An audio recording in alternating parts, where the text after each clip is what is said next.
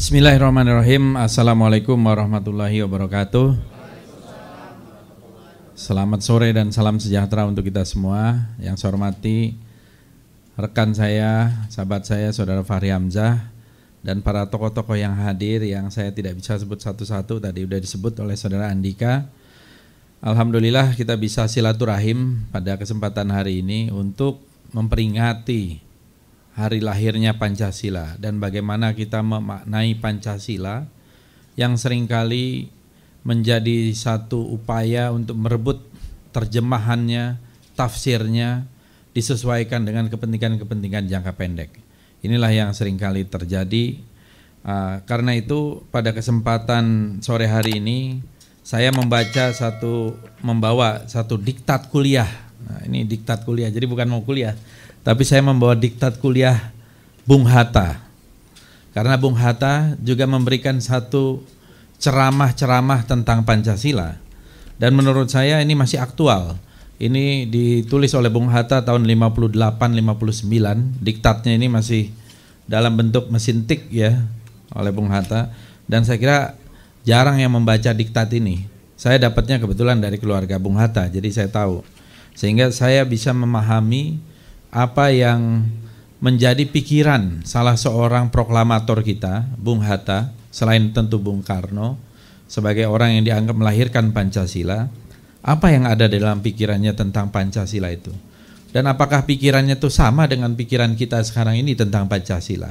Dan inilah yang saya kira ingin saya gali lebih jauh.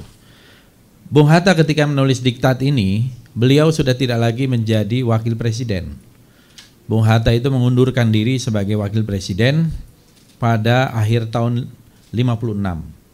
Kenapa Bung Hatta mengundurkan diri?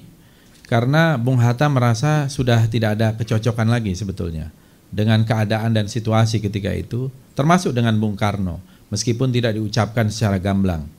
Karena tahun 55 ada pemilihan umum, tetapi pemilihan umum itu tidak disertai dengan pemilihan presiden.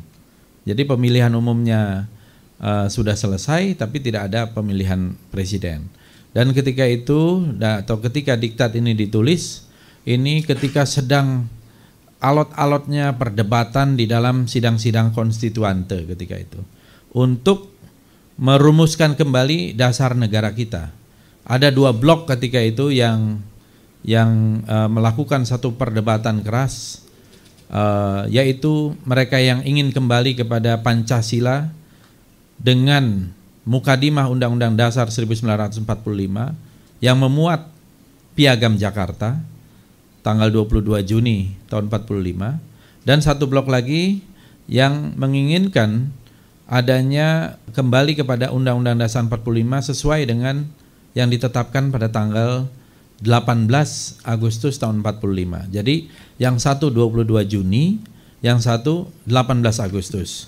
Nah, inilah yang diperdebatkan dan kemudian menjadi deadlock di dalam sidang konstituante ketika itu dan uh, akhirnya di dalam sebuah voting dimenangkan oleh mereka yang menginginkan Pancasila Undang-Undang Dasar 45 konstitusi yang ditetapkan tanggal 18 Agustus tahun 45. Tetapi itu juga tidak bisa diambil keputusan sehingga akhirnya Bung Karno melalui sebuah dekrit Presiden tanggal 5 Juli tahun 6, eh, 59 eh, membuat satu dekrit untuk kembali ke Undang-Undang Dasar 45. Itulah saya kira sebagai background ketika suasana eh, ini dilaksanakan.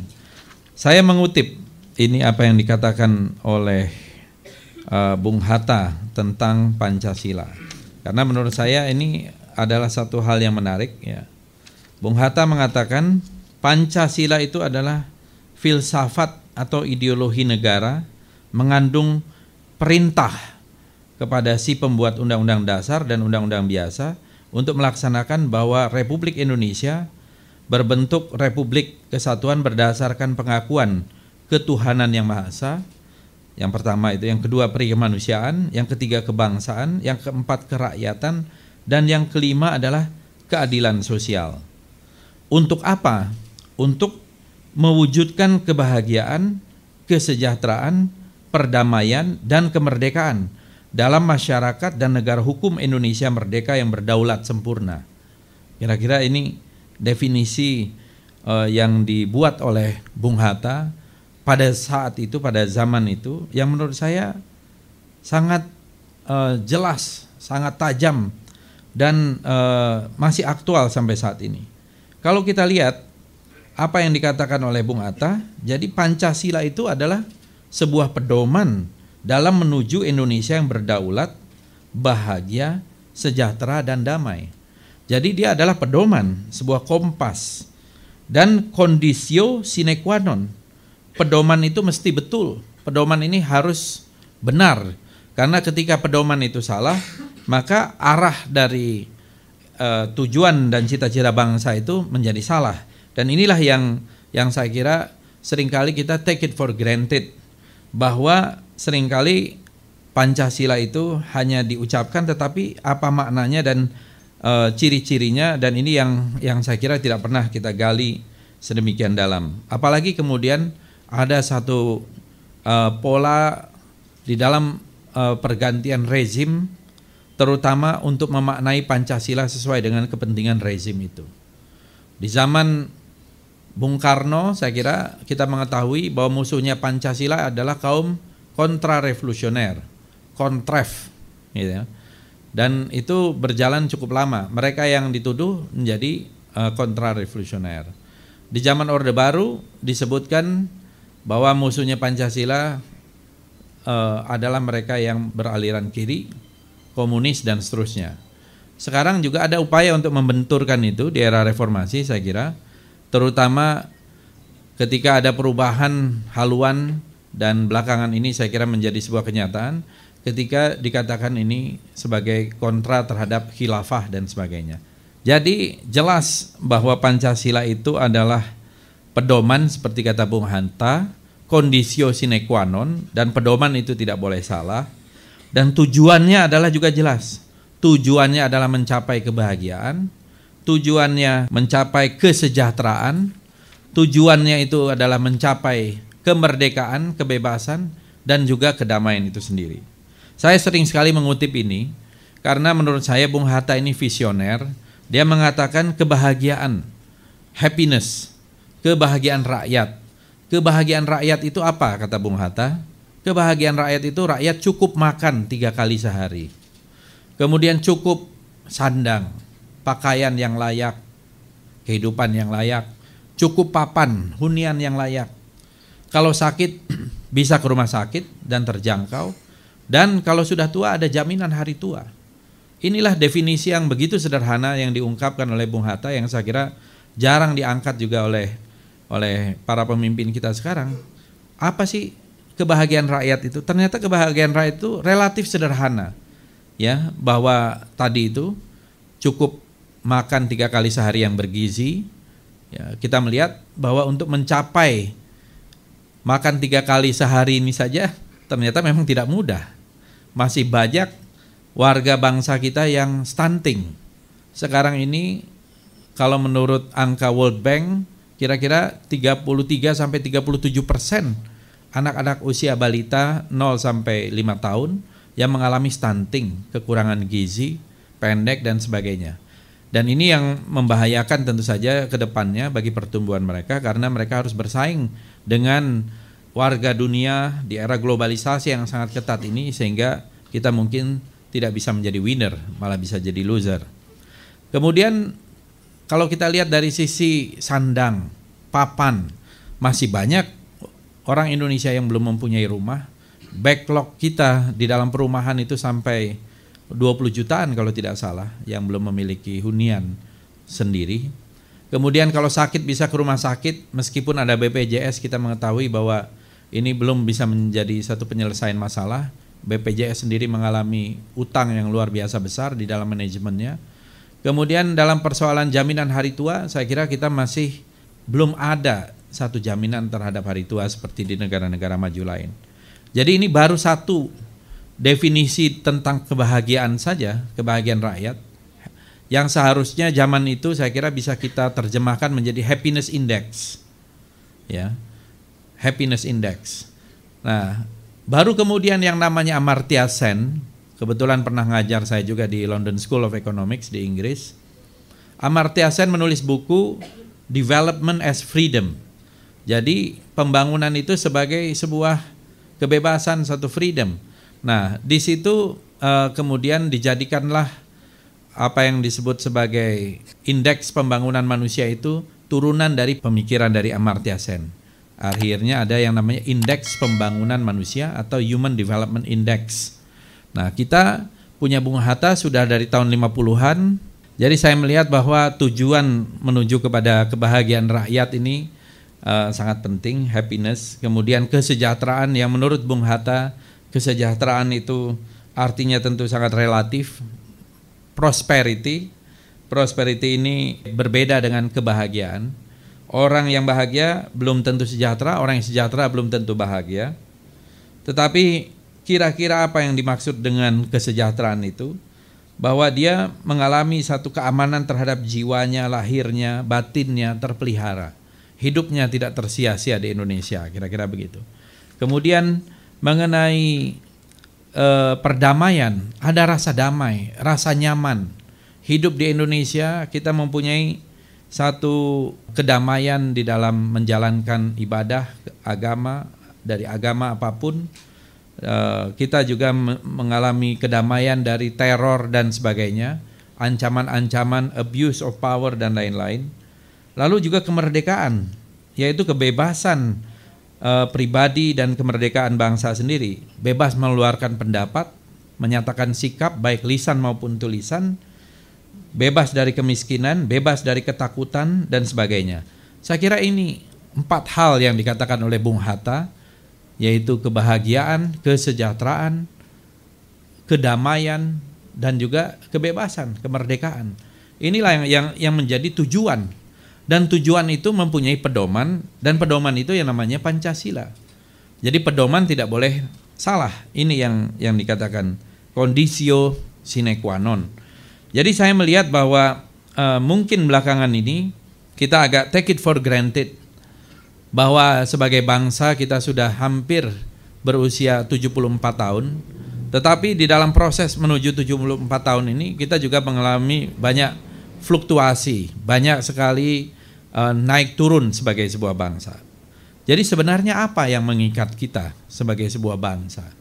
Saya kira ini pertanyaan yang mungkin dulu pernah dipertanyakan oleh para founding fathers kita dan bahkan sudah pernah diperdebatkan cukup panjang ya uh, perdebatan itu. Tentu ada macam-macam argumentasinya. Ada yang melihat bahwa ini karena kesamaan nasib, kesamaan cita-cita, kesamaan tujuan, dan juga karena kesamaan-kesamaan sumber nilai. Pancasila sendiri sebagai sebuah wadah sebenarnya menampung sumber nilai yang beragam, baik dari agama, karena itu ada ketuhanan, kemanusiaan, keadilan, ada adat, karena di situ ada gotong royong, perwakilan, musyawarah, mufakat, kebinekaan. Ada juga analisis historis struktural karena geopolitik, geoekonomi, geostrategi, yaitu di sana ada nasionalisme, internasionalisme, sosialisme, dan kedaulatan rakyat. Jadi kalau kita melihat dari apa yang menjadi sumber nilai Pancasila itu sebenarnya eh, berangkat dari satu uh, kerangka berpikir yang cukup komprehensif karena ini diperdebatkan cukup lama. Jadi pada 74 tahun yang lalu ada satu sidang.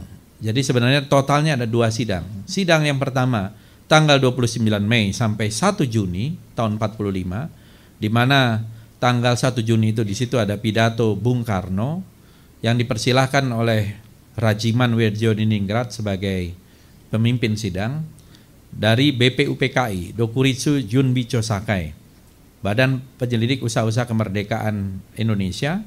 Memang ini bentukan Jepang. Kemudian eh, di situlah pertanyaan-pertanyaan itu boleh dibilang hampir terjawab. Sebuah dasar negara itu. Dan Bung Karno saya kira dengan begitu bagus sekali menyampaikannya. Tentu melalui perdebatan. Dan saya kira salah satu perdebatan yang cukup panjang adalah bagaimana kita menempatkan rohnya itu di atas atau di bawah. Bung Karno berangkat dari kebangsaan dan akhirnya banyak masukan-masukan akhirnya berangkat dari ketuhanan. Jadi Bung Karno dulu menempatkan ketuhanan itu di sila kelima, kemudian atas uh, perdebatan-perdebatan berikutnya ketuhanan itu menjadi sila pertama. Jadi setelah ada pidato tanggal 1 Juni tahun 45, kemudian dibentuk semacam panitia kecil PPKI yang terdiri dari sembilan orang, yaitu Soekarno, Muhammad Hatta, A.A. Maramis, Abikusno Cokro Suyoso, dari Masyumi ini, Abdul Kahar Muzakir, Haji Agus Salim, Ahmad Subarjo, Wahid Hashim, ini orang tuanya Gus Dur dari NU dan Mr. Muhammad Yamin.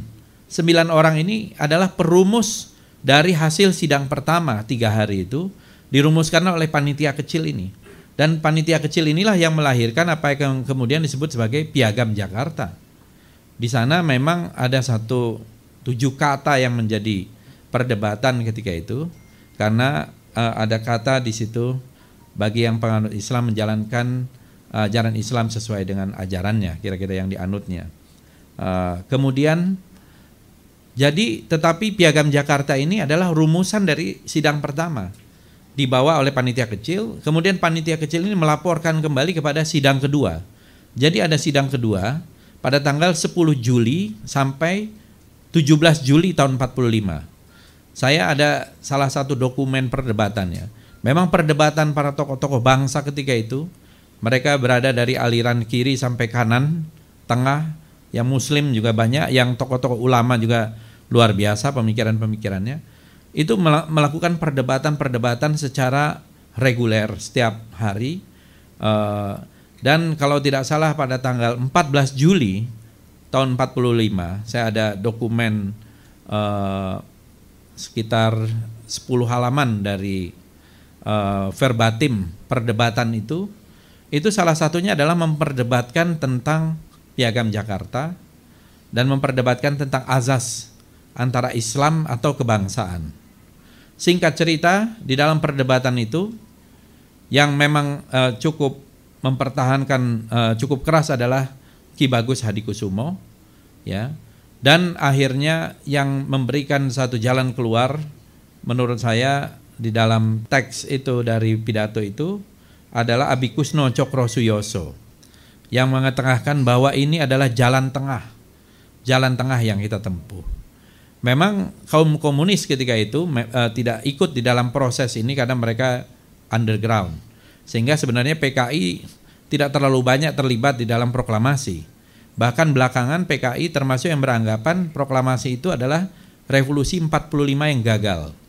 Karena itu kemudian mereka berusaha meluruskannya dengan melalui sebuah yang kemudian disebut sebagai pemberontakan tahun 48. Karena mereka merasa tidak mempunyai kontribusi yang besar di dalam peristiwa proklamasi. Proklamasi ini kalau dari sisi golongan yang paling dominan ya tentu saja golongan nasionalis dan golongan Islam. Hanya dua golongan ini yang luar biasa dan sedikit saya kira golongan sosialis yang berada di tengah. Tapi golongan komunis tidak ikut di dalam proses ini. Karena ketika itu terjadi, proklamasi itu terjadi kan dalam waktu yang sangat singkat.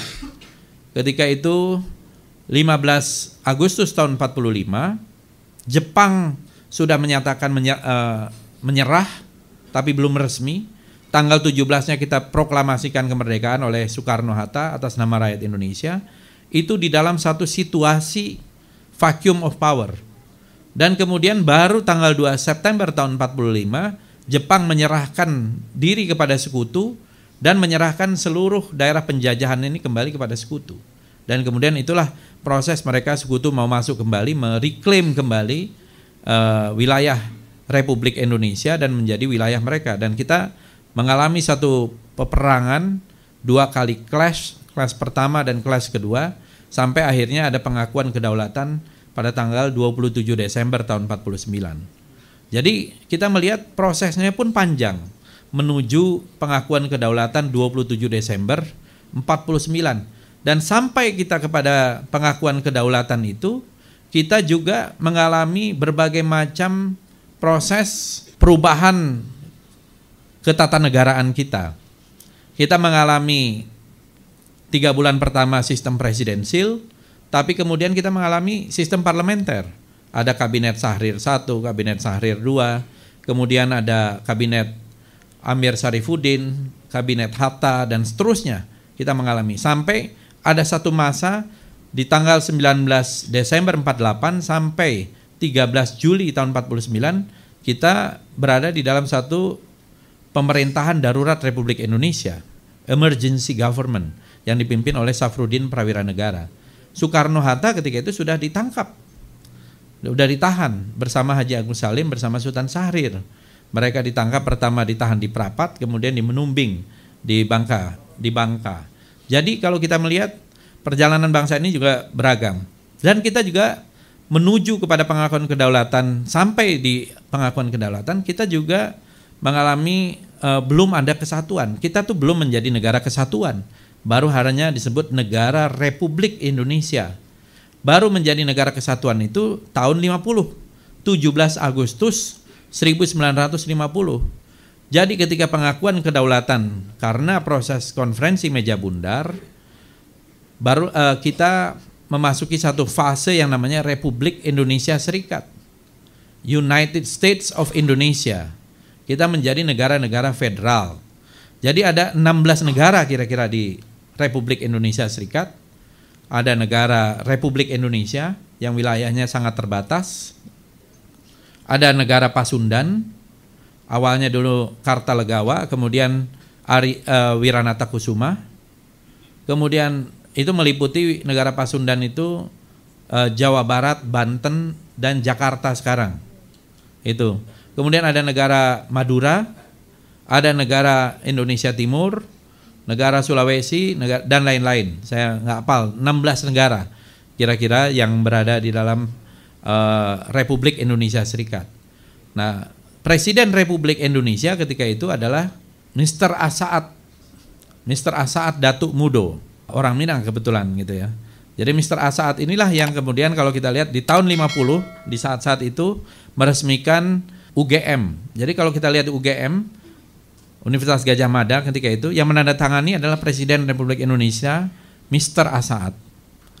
Jadi eh, Bung Karno, Soekarno adalah Presiden Republik Indonesia Serikat dan ada perdana menterinya. Perdana menterinya namanya adalah Dr. Abdul Halim. Dokter Abdul Halim ini keponakan dari Mr. Asaat gitu.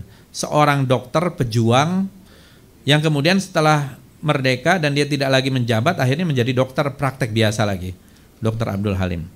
Jadi kalau kita melihat kita ini bertanya, saya pernah menulis buku judulnya Gerakan Etnonasionalis Bubarnya Uni Soviet.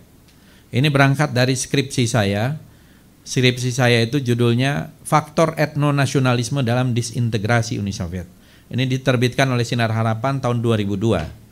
Saya mengkaji di sini tentang faktor etnonasionalisme. Ketika itu belum ada yang mengkaji soal faktor etnonasionalisme. Saya kira saya adalah orang termasuk yang pertama di Indonesia yang memperkenalkan teori tentang etnonasionalisme. Jadi satu nasionalisme yang berdasarkan kepada satu etnik yang uh, waktu itu di bawah bimbingan dari Profesor Yono Sudarsono dan Singkop Boas, Dr. Singkop Boas, saya membahas bagaimana negara-negara yang ada di Uni Soviet, 15 negara bagian, proses terbentuknya sampai proses bubarnya. Dari proses di berabad-abad dari ekspansionis uh, Rusia yang menjadi Uni Soviet dan kemudian menjadi kekuatan adidaya yang luar biasa kuat dengan ikatan yang juga sangat kuat me mencengkram semua negara bagian itu. Misalnya di era-era Lenin yang paling luar biasa tentu di eranya Stalin, tidak ada yang mengalahkan era Stalin ini. Walaupun Stalin ini bukan orang Rusia, tapi dia orang Georgia, tapi dia lebih lebih Rusia dari orang Rusia, padahal dia orang Georgia. Tapi Stalin ini benar-benar melakukan apa yang disebut sebagai rusifikasi. Dan rusifikasinya itu berhasil. Termasuk industrialisasi yang luar biasa berhasil. Akhirnya ekspansi-ekspansi. Dulu tuh yang namanya Rusia itu hanya sebuah kepangeranan kecil, keresidenan di zaman uh, Mongol dulu. Kemudian berkembang berkembang sekarang wilayah menjadi salah satu wilayah terbesar di dunia. Walaupun sudah pecah menjadi